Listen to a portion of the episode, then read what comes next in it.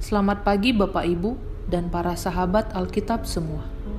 Marilah kita mulai hari kita pada hari ini dengan membaca firman Tuhan yang terambil dari kitab Wahyu pasal yang keempat ayat 1 sampai dengan 11.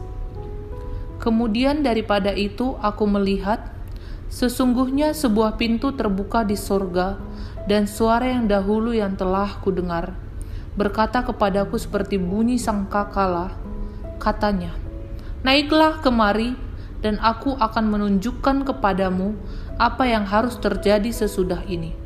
Segera aku dikuasai oleh roh dan lihatlah, sebuah tahta terdiri di surga, dan di tahta itu duduk seseorang, dan dia yang duduk di tahta itu nampaknya bagaikan permata yaspis dan permata sardis dan suatu pelangi melingkungi tahta digilang gemilang bagaikan jamrut rupanya. Dan sekeliling tahta itu ada 24 tahta. Dan di tahta-tahta itu duduk 24 tua-tua yang memakai pakaian putih dan mahkota emas di kepala mereka. Dan dari tahta itu keluar kilat dan bunyi guruh yang menderu dan tujuh obor menyala-nyala di hadapan tahta itu. Itulah ketujuh roh Allah. Dan di hadapan tahta itu ada lautan kaca bagaikan kristal. Di tengah-tengah tahta itu dan di sekelilingnya ada empat makhluk penuh dengan mata, di sebelah muka dan di sebelah belakang.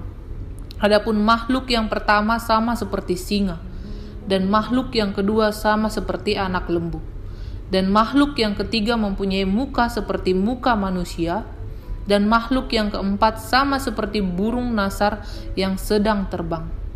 Dan keempat makhluk itu masing-masing bersayap enam. Sekelilingnya dan di sebelah dalamnya penuh dengan mata, dan dengan tidak berhenti-hentinya mereka berseru siang dan malam. Kudus, kudus, kuduslah Tuhan Allah, yang maha kuasa, yang sudah ada dan yang ada, dan yang akan datang. Dan setiap kali makhluk-makhluk itu mempersembahkan pujian-pujian dan hormat dan ucapan syukur kepada Dia yang duduk di atas tahta itu dan yang hidup sampai selama-lamanya, maka tersungkurlah ke-24 tua-tua itu di hadapan Dia yang duduk di atas tahta itu, dan mereka menyembah Dia yang hidup sampai selama-lamanya. Dan mereka melemparkan mahkotanya di hadapan tahta itu sambil berkata, "Ya Tuhan dan Allah kami, Engkaulah layak menerima pujian-pujian dan hormat dan kuasa, sebab Engkau telah menciptakan segala sesuatu, dan oleh karena kehendakmu semuanya itu ada dan diciptakan." Demikianlah firman Tuhan pada hari ini. Tema renungan kita saat ini adalah Allah pusat penyembahan yang agung dan kudus.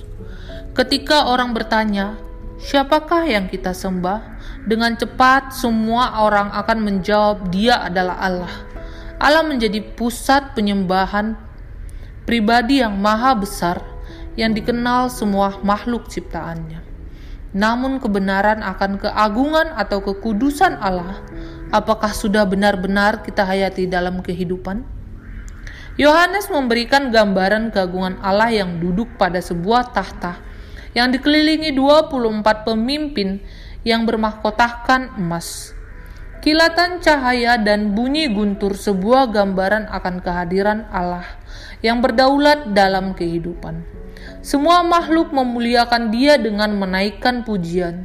Kudus, kudus, kuduslah Tuhan Allah Maha Kuasa. Wahyu pasal keempat ayat 8. Dengan gambaran ini, Yohanes ingin menunjukkan bahwa betapa besar maha agung dan maha kudus Allah di atas tahtanya yang tinggi.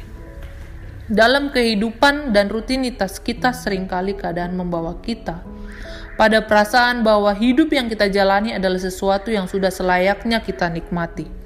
Kondisi seperti menjadi zona nyaman yang seolah menjadi hak hidup kita dan pada saat kita tiba-tiba berada dalam situasi kehidupan yang memaksa kita keluar dari zona nyaman tersebut, seperti sakit ataupun musibah, maka sering kali kita mulai mencari dan mempersalahkan hal di sekeliling kita.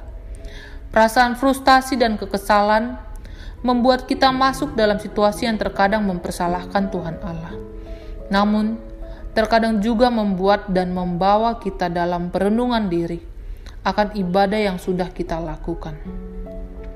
Ibadah adalah perbuatan atau wujud pernyataan diri bagaimana kita harus berbakti kepada Allah yang didasari ketaatan mengerjakan perintahnya. Akan tetapi ibadah tanpa rasa ketakjuban akan keagungan Allah dan tanpa kesadaran akan kekudusan Allah adalah menjadi ibadah kosong yang membawa kita hanya dalam rutinitas. Kita senantiasa harus sadar bahwa Allah mengontrol segala sesuatu yang terjadi dalam kehidupan. Segala peristiwa baik, suka, duka yang kita alami merupakan wujud dari ekstensi Allah. Mengucapkan syukur dalam segala kondisi akan menyeimbangkan hubungan antara kita makhluk yang diciptakan dengan Sang Pencipta. Oleh karenanya, mari senantiasa kita beribadah dan menaikkan pujian. Ya Tuhan, ya Allah kami, Engkau sajalah yang layak menerima pujian, hormat, dan kuasa. Sebab Engkaulah pencipta segala sesuatu, dan atas kehendakmu juga segala sesuatu itu telah terjadi dan hidup. Wahyu pasal 4 ayat ke-11 Salam Alkitab untuk semua.